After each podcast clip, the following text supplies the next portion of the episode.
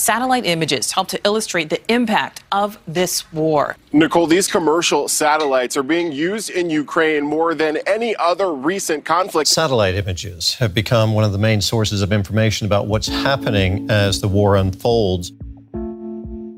Dit is Ondertussen in de Kosmos, de podcast van de Volkskrant, waarin we alles en iedereen door een wetenschappelijke bril bekijken. Ik ben Tony Mudde, chef van de wetenschapsredactie. En u hoorde hier buitenlandse nieuwslezers over het belang van satellieten in de oorlog in Oekraïne. Dat belang is namelijk gigantisch. Je kan het gebruiken bij het zien van vijandelijke troepenbewegingen. En het wordt nu ook ingezet bij het verzamelen van bewijs voor oorlogsmisdaden. Ik ga het erover hebben met George van Hal, de ruimtevaartspecialist bij de Volkskrant.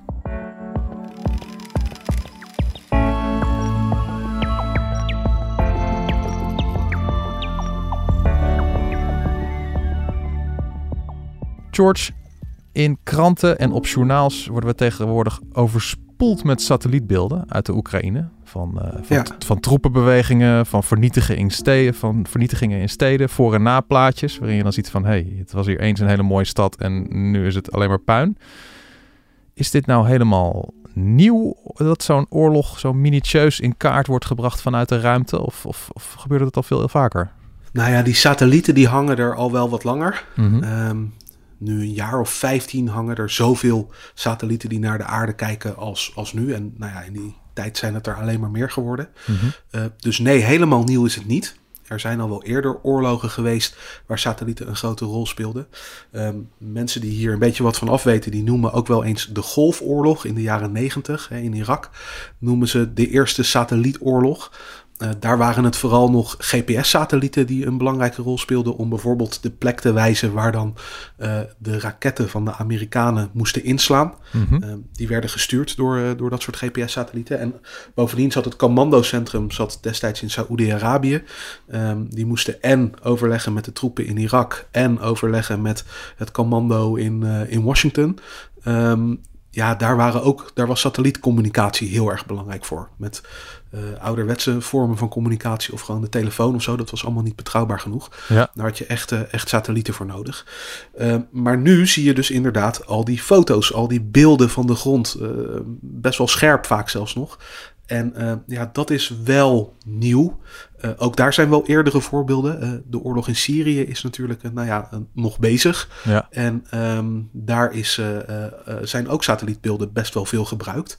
Daar kun je dezelfde dingen zien. Hè, ge- gebouwen die met de grond gelijk zijn gemaakt. allerlei humanitaire ellende ook kun je terugvinden op die satellietbeelden. Toch is het daar wat minder opgevallen. Omdat die beelden een wat minder doorslaggevende rol speelden in de oorlog. Dus het is eigenlijk pas, pas deze oorlog ehm, waarbij het ook ons in de media echt is gaan opvallen. Dat Ja. je op een gegeven moment denkt van... hé, hey, ik zie de hele tijd diezelfde beelden van dezelfde paar bedrijven zie ik voorbij komen. Eh, wat zijn dat eigenlijk voor clubs? En, Oh, het zijn nou ja, bedrijven. wel- Het is dus niet eh, dat, van het Amerikaanse leger die die, die, eh, die, die Nee, het zijn, echt, het zijn echt hoofdzakelijk bedrijven. Ehm, eh, Maxar is een, is een hele grote. Planet is een andere hele grote. Dat zijn de twee die je veel ziet in, in kranten en op journaals. En die hebben allerlei bekende beelden van die oorlog getoond. Hè. Die, dat, dat massale konvooi van 60 kilometer lang dat richting Kiev oprukte van de, van de Russen. Eh, Mhm. ja, dat waren beelden van een van die bedrijven. Eh, de troepenopbouw aan de grenzen eh, voor de oorlog. Waarin, eh, waaruit veel kenners afleiden van, nou ja, nu gaat er toch wel echt wat beginnen, ook al zeggen de Russen van niet. Ehm, nou ja, dat waren ook beelden van dat soort bedrijven. En zo, zo zijn er nog wel meer van dat soort, van dat soort voorbeelden te noemen. En wat, eh, wat doen die bedrijven buiten oorlogstijd? Ik bedoel, ze zijn niet waarschijnlijk alleen voor oorlogsdoeleinden gelanceerd, toch? Nee, Die satellieten. Nee, nee, nee, het is echt een, een, ja, een netwerk van, van satellieten. Het zijn er echt eh, best wel veel. ehm, die de aarde achter elkaar in de gaten houden. En dat, dat kun je voor van alles gebruiken. Voor, eh, in de ga- om in de gaten te houden bijvoorbeeld of het allemaal nog wel goed gaat met onze bossen.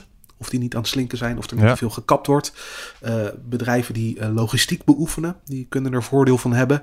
Eh, dan gaat het niet om gewoon de bestrate wegen via Google Maps, maar om te kijken of je complexere logistieke operaties, of er nou ja, misschien zelfs soms letterlijk beren op de weg zijn, dat weet ik niet. Maar Ja. in elk geval of er, eh, of er iets vervelends te gebeuren staat eh, op een van je routes. Ehm, eh, vissers maken er gebruik van, omdat die satellieten kunnen zien waar op dat moment veel vissen in, in zee zitten als die hoog aan de oppervlakte liggen.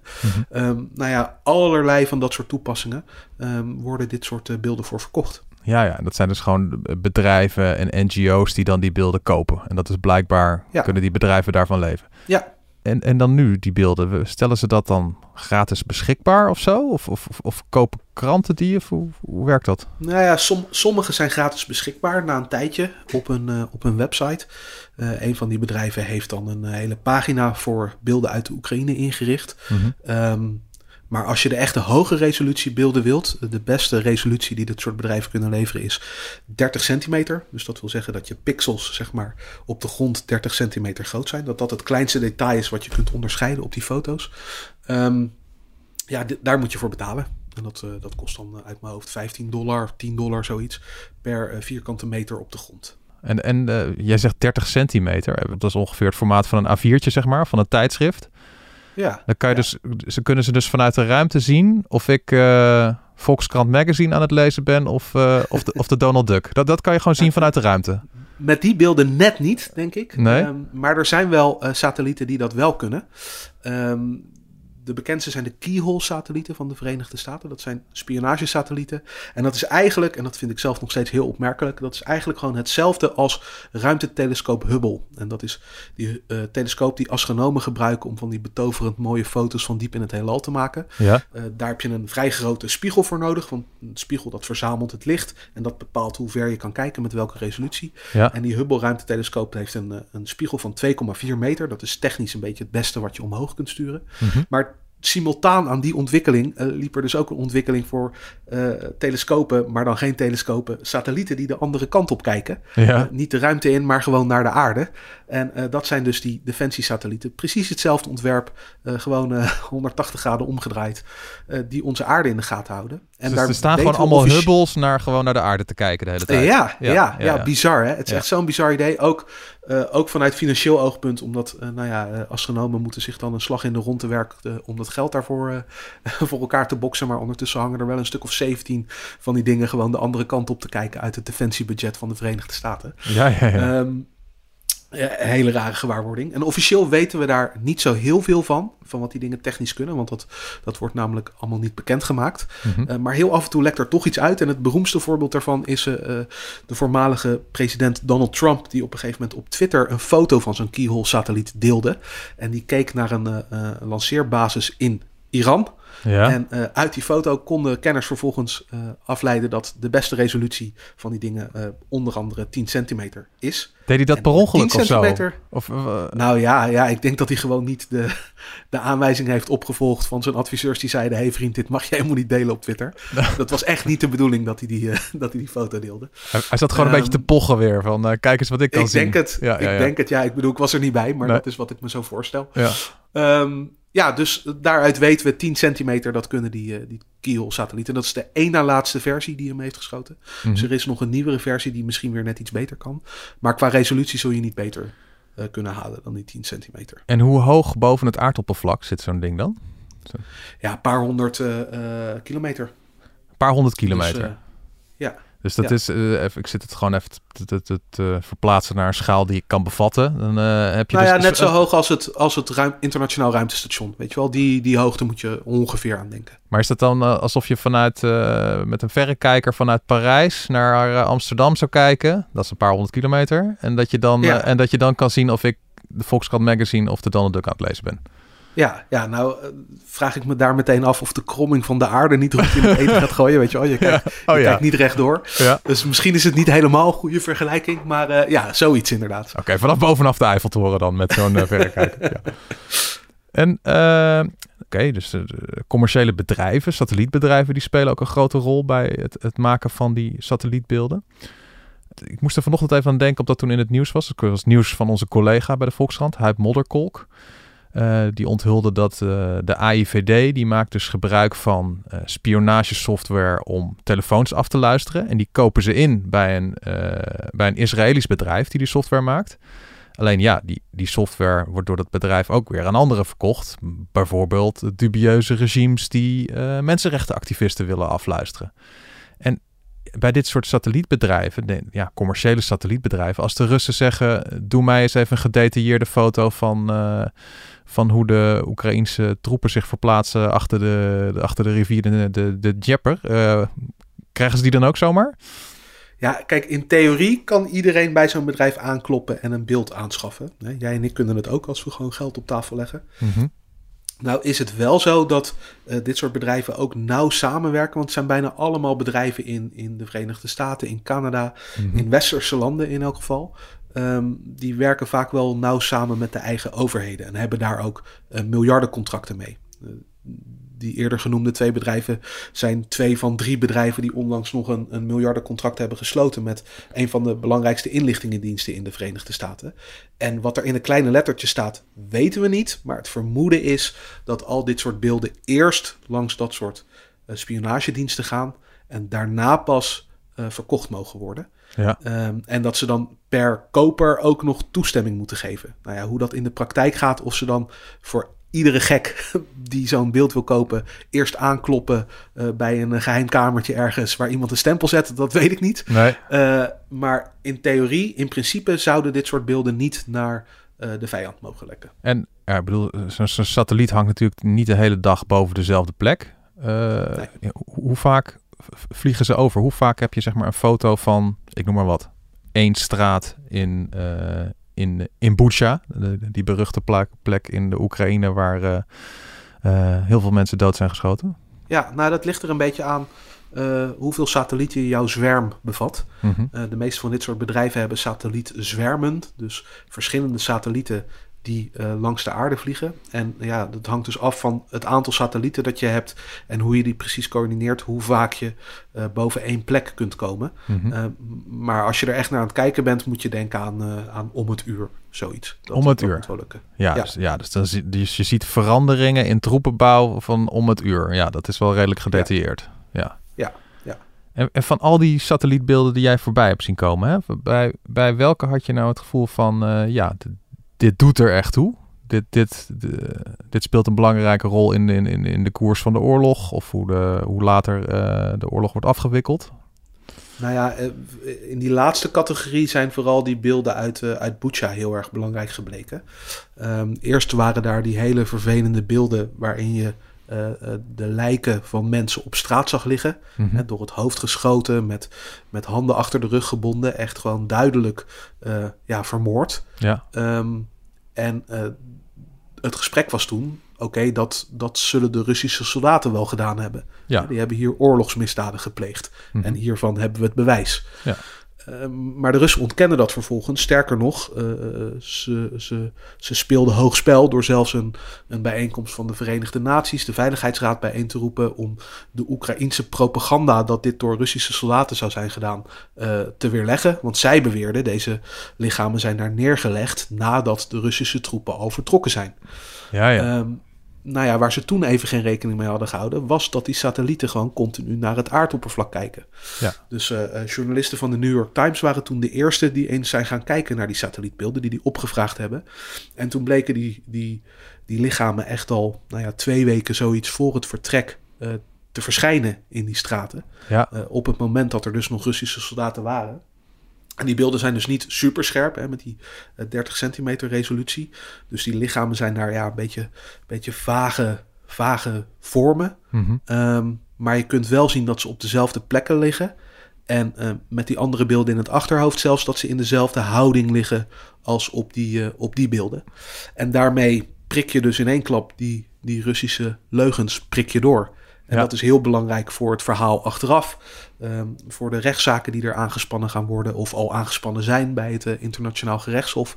eh, voor de vraag wat voor soort oorlogsmisdaden er nou precies gepleegd zijn tijdens deze, tijdens deze oorlog. Ja, want dan heb je dus gewoon echt keihard bewijs van, joh, die, die mensen zijn daar vermoord op het moment dat de Russische bezetters daar de macht hadden. En echt niet op het moment dat de Oekraïners daar weer eh, naar binnen kwamen lopen. Precies, ja, die, die satellietbeelden, dat zijn gewoon objectieve beelden waar verder, ja, je kunt daar nog weinig, weinig over discussiëren, weet je wel. Er zit gewoon een tijdstempel op en die beelden zijn hartstikke duidelijk. Ehm, ja, dan heb je gewoon feiten in handen. Ja. En eh, noem nog eens een voorbeeld van, uh, van satellietbeelden waar jij van onder de indruk was. Dat je dacht van ja, dit, uh, dit doet ertoe. Ja, het is, het is op nog meer momenten zijn, zijn die satellieten ingezet. Um, een van de uh, bekendere voorbeelden is nog de aanslag op die, op die Russische generaal. Ik ben heel even zijn naam, zijn naam kwijt. Ja. Hij heeft ook een lange, ingewikkelde Russische naam.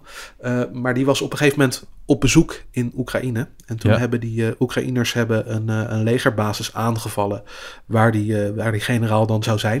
En dat is niet door die aardobservatiesatellieten, maar door andere spionagesatellieten van de Verenigde Staten die uh, radiosignalen opvangen en proberen te ontcijferen uh, gedaan. Vermoedelijk, dat vermoeden de kenners Mhm. in elk geval die ik gesproken heb, want dat hebben ze natuurlijk niet naar buiten gebracht waar ze die informatie vandaan hebben gehaald. Ja. Maar dat is vermoedelijk iets dat met uh, spionagesatellieten die locatie onthuld is, waarna die aan, aanval kon, uh, kon volgen.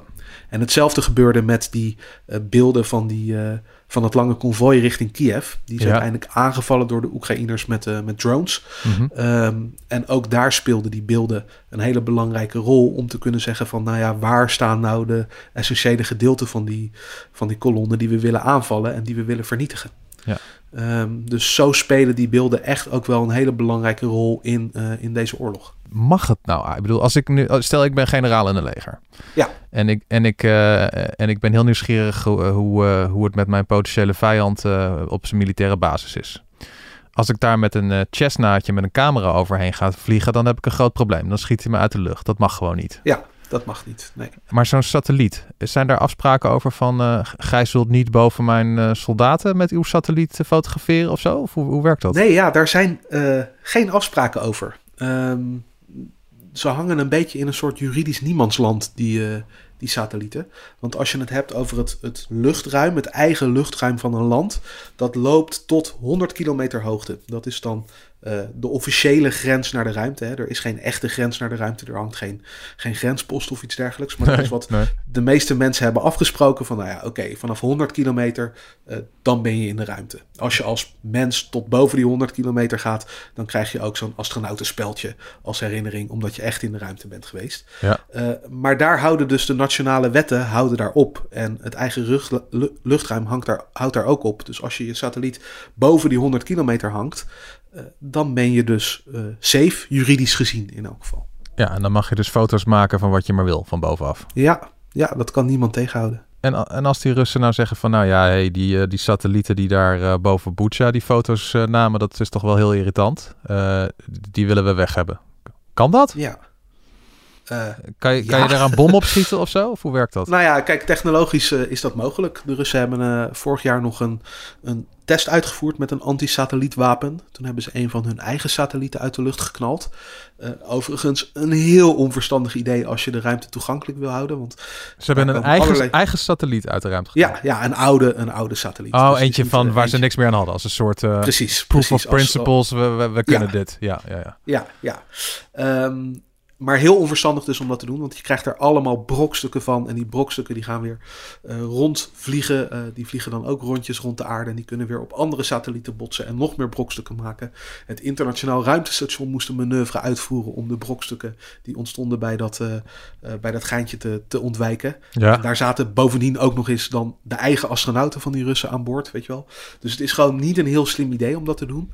Um, je zou ervoor kunnen zorgen dat de ruimte gewoon permanent ontoegankelijk wordt als je dat te vaak gaat doen. Ja, ja. Dus je moet het denk ik wel bewaren voor echt hele kritieke situaties. Maar het zou in theorie kunnen. En de Russen hebben dus ook aangetoond dat ze daar de wapens voor hebben om dat, uh, om dat mogelijk te maken. En, kan, uh, en heeft NAVO ook dat soort wapens? Ja, zeker. Ja, ja, Amerika heeft ook al wel eens in het verleden zo'n uh, zo'n anti-satelliet test uitgevoerd op een iets lagere hoogte. Hadden we wat minder last van.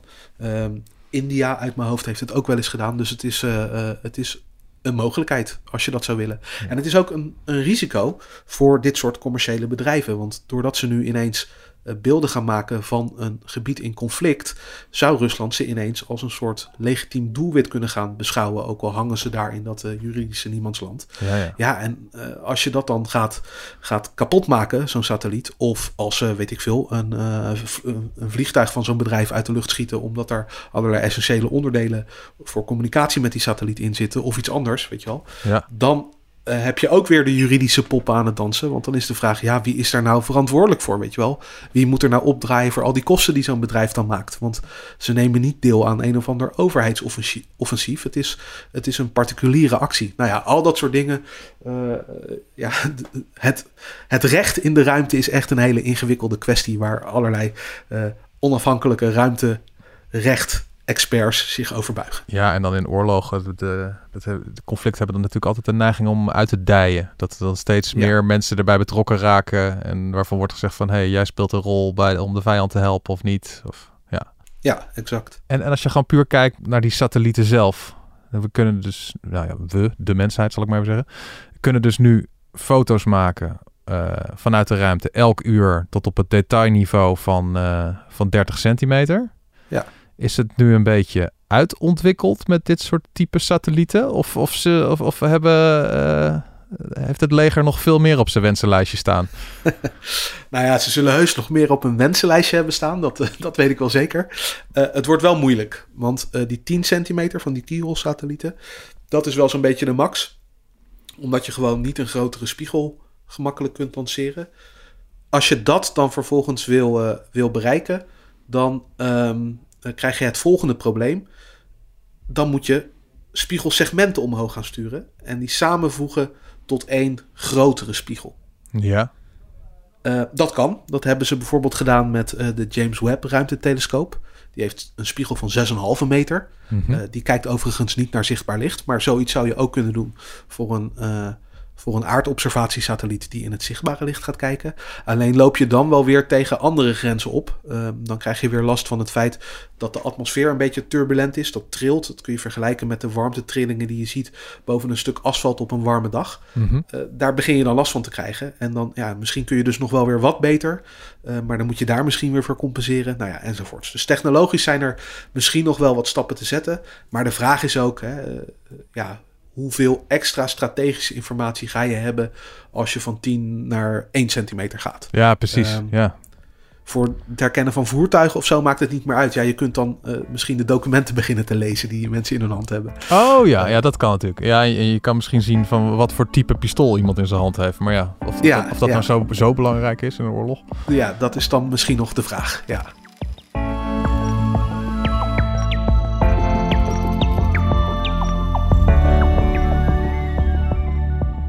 Dit was Ondertussen in de Kosmos, de podcast van de wetenschapsredactie van de Volkskrant. Grote dank aan mijn gast van vandaag, George van Hal, onze ruimtevaartspecialist. Wil je een volgende aflevering niet missen? Abonneer je dan op Ondertussen in de Kosmos in je favoriete podcast-app. We zijn er over twee weken weer met een geheel nieuwe aflevering over een geheel nieuw onderwerp. Hi, mijn naam is Corine Kolen en je luistert naar De Liefde van Nu. In de 18 jaar dat ik interview over de liefde heb ik die nog nooit zo zien veranderen als op dit moment. Grenzen tussen vriendschap en liefde zijn veel minder scherp. En ook de strikte verschillen wat betreft seksuele geaardheid en voorkeuren zijn aan het vervagen. In deze podcast interview ik telkens iemand die vertelt over hun zoektocht naar liefde en vriendschap. Dit is de liefde van nu.